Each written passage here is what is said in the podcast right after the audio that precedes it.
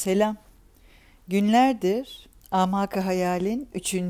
bölümünün kaydını yapmak için kendimce çırpınıp duruyorum. Her seferinde ortasından bölünüyor. Bir uygunsuzluk oluyor. Gülüyorum, öksürüyorum ve bu kayıt olmuyor. Uzunca bir bölüm. O yüzden bu bölümü ikiye böleceğim. Çünkü 30 dakikadan fazlasını bir şekilde kotaramıyorum. Evet, Amak Hayal okumaları 3. bölüm. Raci'nin Aynalı Baba ile ikinci günü bu. Ve şu şu alıntıyla başlıyor. Ya nur, ya nur, karanlıkları nur et. Bu Zerdüşt'ün bir sözüymüş ve Zerdüşt Ahura Mazda'nın ilahi mesajını ileten peygamber olarak geçiyor. Zerdüştlüğün kurucusu. Bu bölümde de e, Hürmüz ve Ehrimen'in yani karanlık ve aydınlığın birbirleriyle mücadelesi ne okuyacağız? Yarısına kadar okuyorum. Diğer yarısı inşallah başka bir zaman. Racin hikayesi şöyle devam ediyor. Mezarlıktan çıkıp eve gittim. Annem şaşkındı. Her gece beni zil zurna sarhoş görmeye alışmıştı.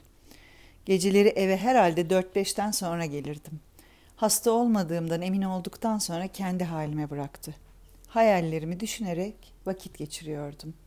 Erkenden uyudum ve sabah kalkıp çarşıya gittim.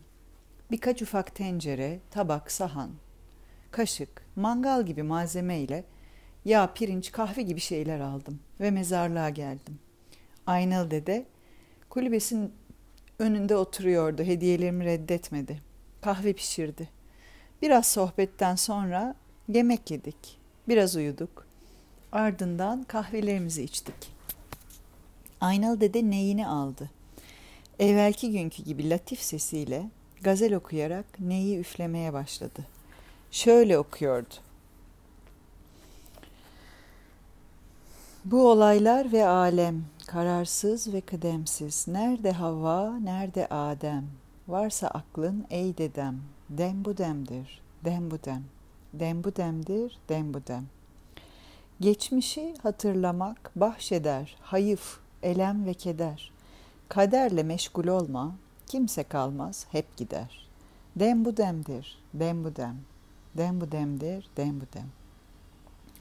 Senin gibi bir dilenciye yazık değil mi gaile? Meşgul olma şimdiyle, geleceğin derdiyle. Dem bu demdir, dem bu dem, dem bu demdir, dem bu dem. Bu hayatta yok vefa, her günü dert ve cefa. Ey sefa arzulayan, ömrünü etme heba. Dem bu demdir, dem bu dem, dem bu demdir, dem bu dem. Kim bilir o etem imiş, bilmeyen sersem imiş. Sonu bir dem imiş, gerisi keder imiş. Dem bu demdir, dem bu dem. Dem bu demdir, dem bu dem. Ve birazdan neyin sesi hafif, latif bir inilti haline aldığında dalmışım. Görüntü başladı. Belk şehrinde bir evdeydim. Yatağımdan yeni kalkmıştım. Odama bir kadın girdi. Bu benim karımmış. Bana Farsça ile Sanskritçe arasında bir lisanla hitap ediyordu. Garibi şu ki ben de bu lisanı tamamen biliyordum. İki şahıstan mürekkep bir adamdım. Hem bendim hem binlerce sene önce yaşayan bir Parsi. Kadın dedi ki, geç kalıyorsunuz artık elbisenizi giyin de vakitlice temaşa bayramında bulunun. Güzelce karnımı doyurdum, giyindim. Başımda sivri bir külahla sokağa çıktım. Bir kalabalık telaşla seyirtmekteydi. Ben de onlara uydum. Sokakları dolaşa dolaşa geniş bir meydana çıktık. Yüz binlerce adam toplanmıştı burada. Meydanın orta yerinde büyük bir çadır vardı. Neye geldiğimi, ne olacağını bilmediğimden yanımdaki adamlardan birine sordum. Dedi ki, bugünden itibaren 40 gün temaşa bayramıdır. Şimdi tellallar seslenir, herkesi sınava davet eder. Herkes birer birer Zerdüşt'ün huzuruna çıkar. Her kim hak söz söyleyebilirse hakikatleri izlemeye izinli olur. Alnına saadet çizgisi çekilir. Her kim söyleyemezse mahrum kalır, alnına bedbahtlık satırı çekilir. Lakin iyi amellerde bulunursa o satır kaybolur. Ailesi, akraba ve sevdikleri sevinçlerinden düğün yaparlar dedi. Ben hiçbir şey bilmediğim için haliyle imtihanı vermeyecektim. Alnıma bedbahtlık satırı çekilecekti. Geldiğime pişman oldum. Evime dönmeye karar verdim. Evvelce konuştuğum adama fikrimi açtım. Sakın dedi. Çünkü gelmeyenlerin de, gelip sınavı vermeden dönenlerin de alnına bedbahtlık satırı çekilir. Bu zorunluluk karşısında ehvenişer olarak sınava girmeye karar verdim. Telallar, tellallar seslenmeye, herkes birer birer düzen içinde çadıra yaklaşmaya başladı. Ben de bir saat sonra kapısındaydım. Kapıcı herkesi birer birer alıyordu. Sıra bana geldi. Girdim. Zerdüşt yüksek bir sedirde oturmuş. Başında bir altın taç, sırtında değerli bir kaftan. Etrafında kırk kadar yaşlı adam saygıyla eller göğüste ayakta duruyorlardı. Meclisin heybetinden şaşırdım kaldım. Cehalet zilletiyle mahcup olmamak ve ayıplanmamak için kalben duaya başladım. Zerdüşt sordu. Nereden geldin? Kalbime ilham olan şu cevabı verdim. Nedensiz ve niçinsiz izzetten. Niçin gönderildin? İzzet, nur ile karanlıkları ayırmayı, nuruyla adil, karanlığıyla kahredici olmayı murat etti. Nuruna ben, karanlıklarına gayrım dedi. Nuru nedir? Karanlıkları ne? Yanıt verdim.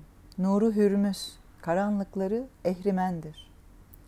Sordu tekrar. Hangisi galiptir? Şöyle dedim. Şimdi her ikisi eşittir. Ne hürmüz ehrimene ne ehrimen hürmüze galip gelebilir. Sorular devam etti. Bu keşmekeş nedir? Sonu ne olur? En sonunda hürmüz ehrimene galip gelir. Alem hep nur olur. Peki sonra ne olur? Tanrı hep ben, hep ben der. Gayrım demez. Peki sen kimsin? Kiminsin? Ben nuraniyim, hürmüzünüm. Zerdüşt ellerini kaldırdı. Tanrı seni nur etsin dedi. İki kaşımın ortasına kadar inen dikey bir yeşil çizgi alnımda belirdi. Zerdüşt'ün huzurundaki yaşlı adamlar barek Allah, barek Allah dediler. Huzurdan çıktım. Alnımdaki yeşil çizgiyi gören halk hürmetle safları açmakta bana yol vermekteydi. Çadırın kapısından yanıma katılan rehberin yol göstermesiyle meydanın bir tarafında hazır duran atlara bindik. Doğu tarafında görülen zümrüt yeşili tepelere doğru gittik. Birkaç saat seyahatten sonra bir Türk kervansaraya ulaştık. O günün kalanını orada geçirip ertesi gün seher vakti uyandık. Rehberim beni bir odaya götürdü ve dedi ki, pek dehşetli bir savaşa gireceksin. Kılıç, kalkan, gürz gibi savaş aletleri kullanmakta maharetin var mı? Hele bir deneyelim. Ve rehberimle birlikte girdiğimiz odada türlü türlü silahla karşılaştım. Rehberim bana bir zırh giydirdi, bir gürzü almamı işaret etti. Ben kendimde büyük bir kuvvet ve maharet hissettim. Gürz oyunlarında ve bunun ardından kılıç kullanmada takdir kazandım. Mevcut silahların en mükemmellerinden birer takım aldıktan sonra kanatlı atlarımıza bindik. Akşama kadar uçtuktan sonra büyük ve heybetli bir dağın eteğine ulaştık. Dağ o kadar yüksekti ki tepesi görünmüyordu. Sanki zirvesi gökleri yarmış, bilinmezliğin yücelerinde kaybolmuştu. Rehberime bu dağı sordum. Fark dağıdır dedi. O geceyi dağın eteğinde geçirdik. Güneş doğdu, atlarımıza bindik ve bu sefer dağın tepesine doğru uçtuk. Atlarımızın ilk sürati her tahayyülün üzerindeydi. Nihayet dağın tepesine vardık. Buradan gözlerimize çarpan manzara insan gözünün görmediği, hiçbir hayalin ermediği bir haldi. Dünya kadar geniş bir meydan görülüyordu. Bu meydanın sol tarafına gelen yarısı en karanlık gecelere parlak dedirtecek kadar karanlıktı. Sağa gelen yarısı ise nura sönüklük dedirtecek kadar parıltılıydı. Akıl sır ermez garipliklerden olarak gözlerimiz bu göz alıcı ışığa direnebiliyor ve cehennem görünümlü karanlıkların her tarafını da aydınlık gibi görebiliyordu. Sanki mahşer meydanını andıran bu yerde sayısız insan toplanmıştı. Bunların bir kısmı meydanın sağ tarafında ve diğer kısmı sol tarafında. Yani bir takımı Nur Denizi'nde, diğer takımı Karanlıklar Denizi'nde bulunmakta olup iki takımın arası boştu. Bu boşluğun sonunda iki büyük taht kurulmuştu. Bunlardan Nur tarafında bulunanın üzerinde Hürmüz oturmakta ve güzel yüzünden çıkan, görülmedik güzellikleri gösteren parıltılar, o nurlar içerisinde bile görülecek kadar ışıklar saçmaktaydı. Karanlıklar içindeki tahtın üzerinde en korkunç ifritlerden daha çirkin, en kötü cinlerden daha iğrenç yüzlü ehrimen oturmaktaydı. Lakin bütün bu hayret verici manzaraları garipliğinin haşmetiyle örten Ehrimenle Hürmüz'ün tahtları arasında her ikisinin de başları hizasında semada asılı duran bir tahttı. Biz meydana geldiğimiz vakit doğruca Hürmüz tarafına katıldık. Biraz sonra meydanda dayanılmaz bir gürültü çıktı. Her ağızdan bakınız bakınız İzzet'in emri yere indi sözleri çıkıyordu. Asılı tahtın üstünde insan hayalinin bütün tutkusuyla arzuladığı bütün güzellikleri canlandırmış bir peri vücutlu ayaküstü duruyor ve elinde bir küre tutuyordu. Bu kürenin doğudaki yarısı aydınlık, batıdaki yarısı karanlıktı. Nur ve karanlık arasında öyle bir denge vardı ki ne nurdan karanlığa ne karanlıktan nurra bir zerre karışıyordu. Sağ taraftaki sayısız halk İzzet, İzzet, karanlıkları kaldır diye çağrıştılar. Ehrimen taraftarları ise Deycur, hakikati göster diye bağırıştılar. Bir harika eseri olarak uzak ve yakın, her kulağa kadar hoş seslerle nur yüzlü peri cevap verdi.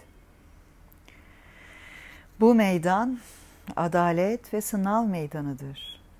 Bunun üzerine herkes derin bir sükunete, her iki taraf huşu, huşu içinde sessizce dualara daldı. Hüküm süren tam sessizlik sırasında Hürmüz ayağa kalktı ve şöyle hitap etti. Ey insanoğlu! İzzet sizi kendi gibi nur olmanız için yarattı. Sizi bütün varlıklara tercih etti. Size her türlü nimeti ihsan etti. Lakin siz nur iken Lakin sizi nur iken karanlıklarla karıştırdı. Ruh iken bedenle yoğurdu. Ta ki nefret ettiği karanlıkları sevdiği nurla ortadan kaldırasınız. Ey insanoğlu! Nur benim. Bana gelin, benim olun, ben olun. Nurun gereği olan güzelliklerle ahlaklanın. Takva sahibi olun. Hem cinsinizi nefsinize tercih edin.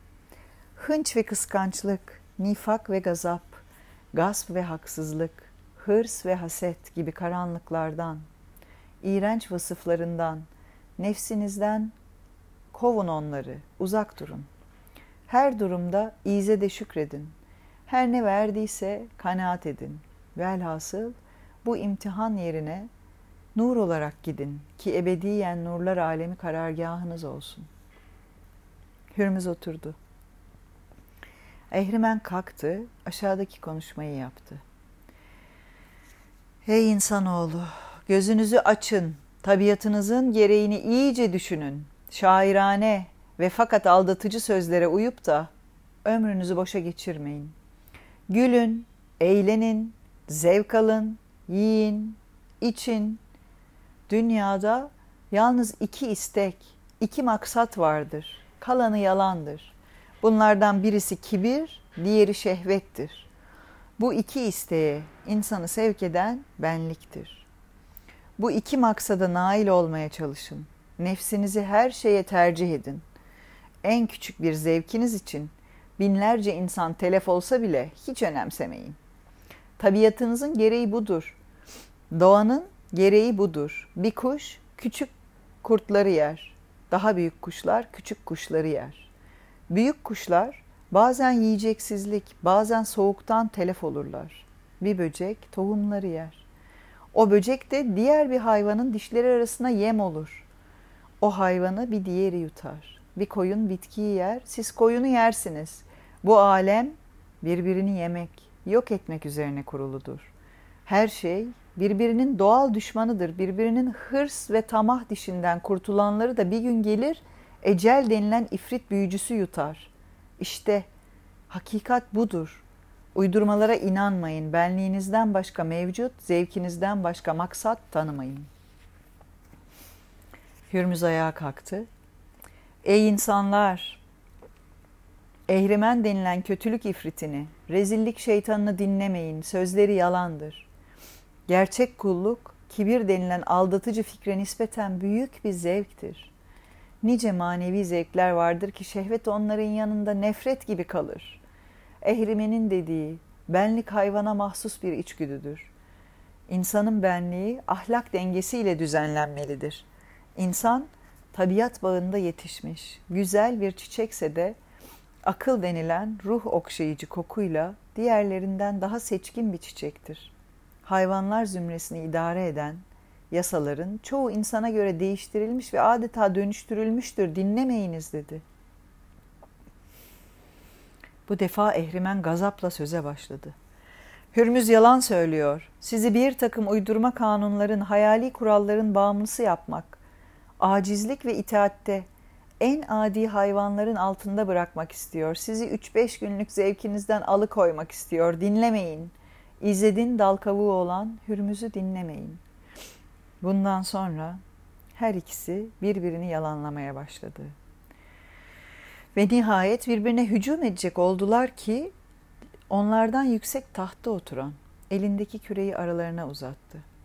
Henüz vakti gelmedi dedi. Boşuna uğraşmayın. Vuruşma vakti tebaanızdadır. Bunun üzerine Hürmüz şöyle dedi. Beni seven meydana çıksın. Aynı sözü Ehrimen de söyledi. O aralık ben de rehberimle beraber sağ taraftaki savaşçılara katıldım. O geceyi orada geçirdik. Mükemmel ikram ve saygı gördük. Ertesi gün sabah saatlerinde nakkareler ve davullar çalındı. Ehrimen tarafından bir er meydana çıktı. Er diledi. Bizim taraftan biri onu karşıladı. Bu suretle o gün iki taraftan yirmi kadar savaşçı çıkıp birbirleriyle savaştı. Kah Ehrimen tarafı, kah bizim taraf galip geliyordu. Her gün vuruşma devam ediyordu. İki taraftan da bir hayli adam kırılıyordu. Yedinci gün bizim tarafımızdan çıkan bir pehlivan akşama kadar garip geldi. Ehlimen tarafından gelenlerden elli kişi öldürüldü. Artık bizim tarafın sevinci fevkaladeydi. Ehrimen'in çıkardığı pehlivanların birer birer yere serildiği görüldükçe bizim tarafta sevinç davulu çalınıyor. Barek Allah sesleri semalara çıkarılıyordu. O gece bizim tarafın gözcüleri ertesi gün Ehrimen'in yenilgisiz pehlivanlarından birinin meydana çıkacağını haber verdiler. Herkes telaş içindeydi. Rehberimle ben gözcülerden birini çadıra çağırdık. Gözcüyle uzun uzadıya sohbet ettik ertesi gün Ehrimen'in Nifak adlı cadısının meydana çıkacağı anlaşıldı. Garibi şu ki bu Nifak cadı kıyamete kadar yaşamaya mahkummuş. Bunu öldürmek mümkün değilmiş. İşte herkeste görülen telaşın sebebi de buymuş. Ben de çok merak ettim. Sabaha kadar uykumda teke tek garip vuruşmalar gördüm. Ertesi sabah yeniden kös ve nakkarilerin sesiyle nifak cadı meydana çıktı. Heybetli bir pehlivandı. Baştan ayağa çelik zırhlara bürünmüş, büyük bir küheylana binmişti. Savaş meydanında atını oynatarak, ''Karşıma çıkacak er nerede? Ben o pehlivanım ki, kesici kılıcım nice zırhlı başları yarmıştır. Ben o yiğidim ki, tırnağım nice demirden göğüsleri delmiştir. Var mı karşıma çıkacak canından bezmiş, dünyasına küsmüş, kim ise gelsin diye nara attı. Nifak'ın eline düşen helak olacağını bildiği halde bu övünmeye karşı bir hürmüz sadığı meydana çıktı. Yere serildi. Birbirinin peşi sıra otuz kişi meydana çıktı. Otuzu da katledildi. Üç gün sırayla nifak meydana çıktı. Her üç günde otuzar kırkar kişi telef ederek galibiyet kendinde kaldı. Dördüncü gece bizim tarafta önemli hazırlıklar başladı. Herkesin yüzünü kaplayan umutsuzluk bulutu gitmiş, umut ışığı doğmuştu. Rehberime sordum. Dedi ki, yarın Hürmüz'ün en seçkin kullarından, en ziyade sevdiklerinden muhabbet pehlivan meydana çıkacak. Bu melun nifakı ondan başka kimsenin yenemeyeceği anlaşıldı. Bu gece Hürmüz'ün vekillerinden Salah gelip vaaz ve nasihat edecek dedi. Gece yarısı Salah denilen ihtiyar kişi geldi. Hak ve hakikat uğruna herkesi canını feda etmeye teşvik etti ve en sonunda etkileyici bir dua okudu. Ertesi sabah nifak cadı acı acı gülerek ''Bugün canından bezmiş kimse yok mu? Meydan niçin boş kalıyor? İddiacılar nerede?'' diye bağırdı. Hürmüzcülerin tekbirleri uğultusuyla meydana muhabbet çıktı. Nifak cadı muhabbet pehlivanı gördüğü gibi gözleri hiddetinden kan çanağına döndü. Üç gündür seni bekliyordum dedi. Hele gelebildin. Vaktine hazır ol. Muhabbet pehlivan ölçülü, ahenkli bir nara attı. Beni bilen bilir, bilmeyen öğrensin ki ben muhabbet pehlivanım. Aslan pençesini andıran pençelerim, yürekleri paralar. Kahraman kolum kafaları koparır. Ey nifak! Bilirsin ki ben meydana çıkınca seni tepelerim. Yeter artık ettiklerin. Vaktine hazır ol dedi. Nifak, evet daha önce bana galip geldin. Lakin bu defa seni mahvedeceğime eminim dedi. Muhabbet ise sakın bunu unutma. Muhabbet pehlivan her vakit nifak cadıya galip gelir diye karşılık verdi. Her ikisi birbirine hücum ettiler. Kılıçları kalkanlarına çarptıkça ateş çıkıyordu. Akşama kadar uğraştılar. Birbirine baskın çıkamadılar. Ertesi gün dehşetli bir azim ve mahvetme niyetiyle yine birbirleriyle uğraştılar. Yine baskın çıkamadılar. Lakin üçüncü gün muhabbet aslanca bir darbeyle nifakı yere serdi. Hürmüzcülerin sevinci gök kubbeyi çınlattı. Ehrimencilerin hiddeti alemi titretti. Ve o gün akşama kadar muhabbet pehlivan 30 kişiyi daha tepeledi. Yedi gün savaş meydanında galip kaldı. Yedinci günün gecesi Ehrimen tarafından pek meşhur bir pehlivanın meydana çıkarılacağı haberi geldi. Hakikaten güneşin doğuşuyla beraber sol taraftan uğultular koptu. Bu defa meydana Ehrimen'in boyu pek uzun, kendisi pek heybetli bir dev olan Gazap pehlivanı çıktı. Ey Hürmüz'ün dostları dedi, bana hanginiz karşılık verecek? Bana gazap derler. Şimdiye kadar karşımda diri kalan pek az olmuştur. O gün karşısına çıkan muhabbet pehlivanla dev gibi çarpıştı. Üçüncü günün ikinci, ikindi vaktinde bir gürz darbesiyle muhabbeti yıktı. Henüz ölmemişken bu güzel pehlivanı acımadan dişleriyle vücudunu parça parça etti. Kalbini koparıp Ehrimen'in huzuruna attı. En büyük düşmanlarımızdan muhabbetin yüreği ayaklarınızın altında sürünsün dedi. Bu dehşetli manzara, bu feci vuruşma yüreğimizi kanattı. Temaşa bayramı denilen bu garip bayram başlayalı tam 38 gün olmuştu. Gazapı bizim taraftan henüz mağlup eden olmamış, Hürmüz'le Ehrimen'in arasındaki meçhul gencin elindeki kürenin sağ tarafını da karanlık kaplamaya başlamıştı. Ehrimen tarafı galip gelmek üzereydi. Hürmüz'ün veziri yanımıza geldi. Gazap'ı ancak hikmetin öldürebileceğinden bahsetti. Ve bu yüzden Hürmüz, Hikmet Pehlivan'ın meydana çıkmasını emretmişti. Çadırımıza döndük ve rehberim gayet ciddi bir şekilde sordu. Bilir misin Hikmet Pehlivan kimdir? Yok dedim bilmem. Hikmet Pehlivan sensin. Bu gece uyku vakti değil. Yarın Ehrimen'in ikinci pehlivanı gazapla çarpışacaksın. Gecenin kalanını ibadet ve kılıç kullanmayı öğrenerek geçireceğiz dedi. Hayretimden dondum. Bana bu kadar önemli bir görev verileceği aklımdan bile geçmemişti. Hele hele ismimin Hikmet Pehlivan olduğunu hiç bilmiyordum.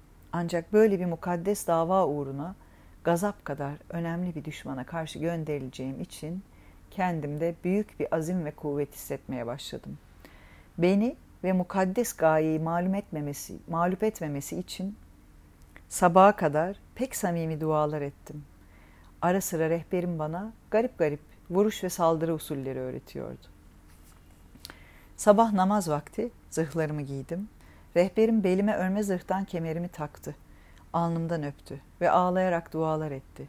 Güneşin doğuşuyla beraber atıma binerek hazır oldum. Gazap meydana çıktı. Karşısına geçtim. İsmimi sordu. Hikmet Pehlivan ben dedim. Behey bir çare diye hitap etti bana. Senin gibi mazlum ve kendi halinde bir aptal, benim gibi kükreyen bir aslanla vuruşabilir mi? Haydi defol git sen zararsız bir bunaksın. Senin kanını dökmek bana ayıptır dedi. Bu sözler haysiyetime dokundu. Ey arsız canavar! Senin beni yendiğini hatırlamıyorum. Acaba zirzopluğuna mı güveniyorsun? Bilmez misin ki ben sana galip gelmesem gönderilmezdim meydana. Haydi çok konuşma, vaktine hazır ol dedim. Gazap kızdı. Vay sana galiba şarap içirmişler, saçmalıyorsun, haydi öyleyse dedi ve üzerime hücum etti. Ben bu heybetli devin öldürücü darbelerinden vücudumu kurtarmak için pek çok çeviklik göstermeye mecbur kaldım. Gayretimden adeta kuş gibi hafif ve uçuyordum. Akşama kadar uğraştık. Bana bir darbe bile isabet etmedi. Lakin ben de ona bir şey yapamadım. Biraz istirahat edip o geceyi dua ile geçirdik. Sabaha karşı rehberim bana bazı talimatlar verdi ve sabah meydana çıktım. Gazap, pür gazaptı. Fırıldak gibi etrafımda dönerek. Dün elimden kaçtın lakin bugün kaçamazsın dedi. Üzerime saldırmak için vaziyet aldı. Rehberimin talimatına göre. Vay vay başında ne var dedim. Elini başına götürdü. Ben de zırhsız olan koltuğu altından tam kalbine doğru kılıcımı sapladım. Gazap dehşetli bir nara atarak düştü. Kan kusmaya başladı. Ehrimen tarafından öfkeli haykırışlar geldi. Hikmet gazapı hileyle vurdu diyorlardı. Meçhul gencin elindeki küre baştan aşağı nur oldu. Bizim tarafın sevinç naraları dünyayı tuttu. O gün öğlene kadar birçok ehrimenciyi tepeledim. Lakin öğlen karşıma yüzü örtülü bir pehlivan çıktı. Beyaz bir file binmişti. O meydana çıkınca ehrimenin yüzü sevinçten ürperdi. Hürmüz ise pek mahzun kaldı.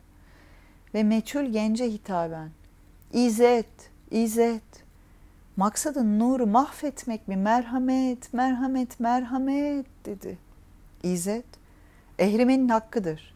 Ne yapalım? İstediğini çıkarır cevabını verdi.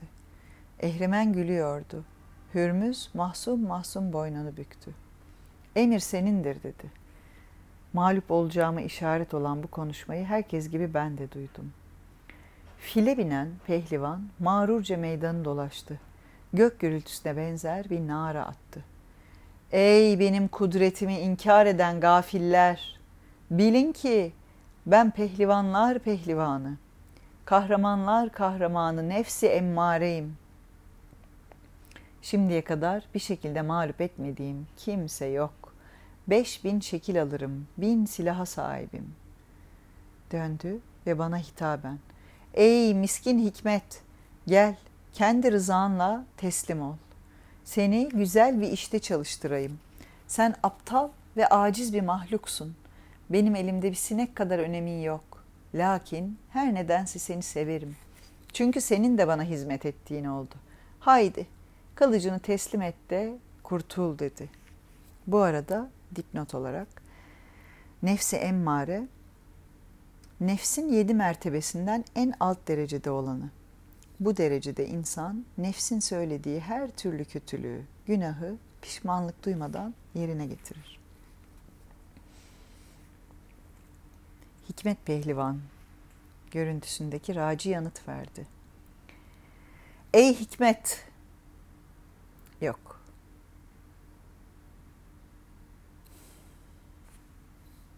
Ben gayrete gelip kaçındım. Kaçınınca nefsi emmare konuşmaya devam etti. Ey Hikmet bendeki silahlara bak. Rehberinin sana öğrettiği yumuşak huy, ilim, kanaat, ihtiyat, tevazu, sabır, hile gibi başkaları için ölümcül olan darbelerin bana bir tesiri yok.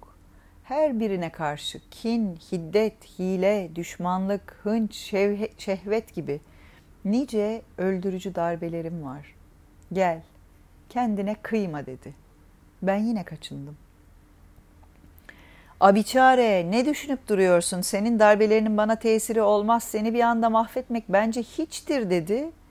Ben yine kaçındım. Ama savaşmaya başladık. Ben bildiğim darbelerin hepsini denedim. Ama tesiri olmadı. Nefsi emmare bana mukabeleye tenezzül etmiyor, gülüyordu. Nihayet en öldürücü bildiğim son darbe olan Azmi Kavi adlı darbeyi vurmayı kararlaştırdım. Emmare'nin sol tarafına geçtim. Darbeye müsait bir vaziyet almaya çalıştım. Emmare işi anladı. Ya dedi. Beni mutlaka telef etmek istiyorsun ha? Dur öyleyse. Dedi ve tam kılıcı böğrüne sokacağım sırada yüzündeki perdeyi kaldırdı. Hayalin ötesinde bir güzellik gözlerimi kamaştırdı. Kılıç elimden düştü. Emmare kemerimden tutup beni filin üzerine aldı. Ehrimen'in huzuruna götürdü. Ya Ehrimen, Hikmet'i öldürmedim, esir ettim. Mutfağımızda soğan soyar. Tam kendisine münasip bir hizmettir dedi.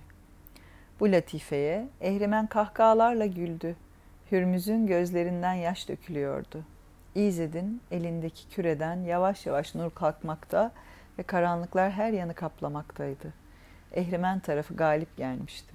Sol taraf, karanlıklar, karanlıklar, asıl olan karanlıklardır, galip geldik diye bağırıyordu. Bizim taraf ise, çok yaşa, çok yaşa ya nurların nuru, nurunu kaldırma diye yalvarıyordu. Hürmüz, nur perisinin önünde secde etti. Yaptığı sorgulanmayan izzet, medet, medet, senden medet, senin bağışın için, senin hakkın için dedi. Hürmüz başını secdeden kaldırmıyordu. Ehrimen ise başını göğe doğru dikmişti. Sol tarafın karanlığı küreyi öyle bir kaplamıştı ki ancak kenarında görünür görünmez bir nurani leke kalmıştı. İşte o sırada uzaktan bir ses işitildi. Bu ses yiğitçe olduğu kadar güzel, güzel olduğu kadar da yiğitçeydi. Şarkı söylüyordu. Nihayet karanlıklar içinde yüzünün nurundan, etrafı ışıltılı ve bu sebeple kendisi tamamıyla fark edilen bir süvari göründü. Dört ayaklı ve alnı boynuzlu ve kanatlı, koyu yeşil renkte bir ejderhaya binmiş olan bu pehlivan, güzellik timsali, yahut güzellik kaynağı denecek kadar güzeldi. Kıvırcık ve kestane rengine yakın, bazen siyah, bazen kırmızımtırak görülen saçları omzuna dökülmüştü. Başında cevherli, süslü, süslü bir taç, sırtında yeşil renkli bir ipek giysi vardı. Şarkı söylüyordu. Biz de ürpere ürpere o ilahi sesi dinliyorduk. Şöyle diyordu. ben oyum ki kuvvetimden kainat titrer. Ben oyum ki kol gücüm her canın hakimidir. Ben oyum ki kim olsa önümde baş eğer bana. Bastığım yer insanların secde ettiği yerdir. Ben oyum ki mertlik tabiatında yoktur benzerim. Huzurumda hizmet edenler yiğitler zümresidir. Ben oyum ki adalet terazimde eşittir bütün halk. Şahların şahı ile yoksullar bence hep birdir. Velhasıl İzzed'in izzet ve kudret kılıcıyım. Aşkım ben, gücümden kainat titrer. Bu güzel ezgi, bu latif melodiler her iki tarafında kendinden geçmesine vesile oldu. Gariptir ki ehrimen tarafı da bizim kadar zevk alıyordu. İsmi aşk olan bu pehlivan bize yaklaştıkça nur perisinin elindeki küre parlamakta, aydınlık karanlıkları kovmaktaydı. Öyle ki meydanın ortasına geldiği vakit küre tamamen aydınlandı ve alemden karanlıklar kalktı. Meydanda file binmiş nefsi emmare ile esiri olan ben bulunuyorduk. Aşk ejderhasını bize yanaştırdı. Gayet latif ve laubali bir tavırla Ey emmare bana karşı duracak mısın dedi. Emmare alçak gönüllülükle filden yere indi. Aşkın önünde diz çöktü.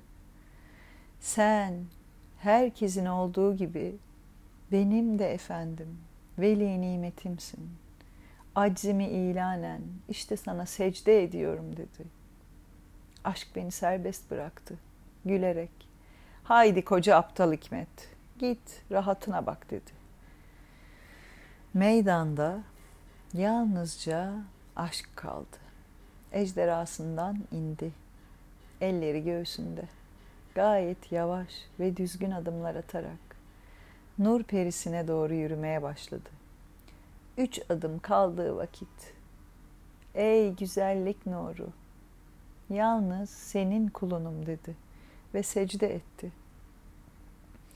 Ya Hürmüz, ya Nur, selam olsun sana. Sana ki karanlıkların değeri seninle bilindi dedi ve Ehrimen'e döndü. Ya Ehrimen, ya Deycur, selam olsun sana. Sana ki nurun değeri seninle bilindi dedi. Ardından meydanın ortasına çekildi. Elini semaya kaldırdı. Alem eskisi gibi oldu. Kürenin tam yarısı aydınlık, yarısı karanlık oldu. Her iki taraf da mensup olduğu efendinin elini öpmekteydi. Hürmüz'le Ehrimen tahtlarından inmiş, yan yana gelip kardeş gibi tokalaşmışlardı. Nur perisi gülümseyerek bu hale bakıyordu. Hürmüz'ün elini öptüm. Yüzüne baktım. Bir de ne göreyim. Hayretimden bir çığlık attım. Gözlerimi aç, açtığım vakitse aynalının gülümseyen yüzünü gördüm. Evet, yarısına kadar okurum dedim ama bitirdim. Sonunda bu bölümü bitirdim. Arada birkaç kere dilim sürçtü. Birkaç kere durmak, beklemek durumunda kaldım. Sürçü lisanımı affedin. Ah, aşk olsun. Bakın, savaş meydanında bile aşk galip geldi. Oh be, şükür. Vallahi içim rahatladı ya. Bir sonraki bölümde görüşmek üzere. Hoşçakalın.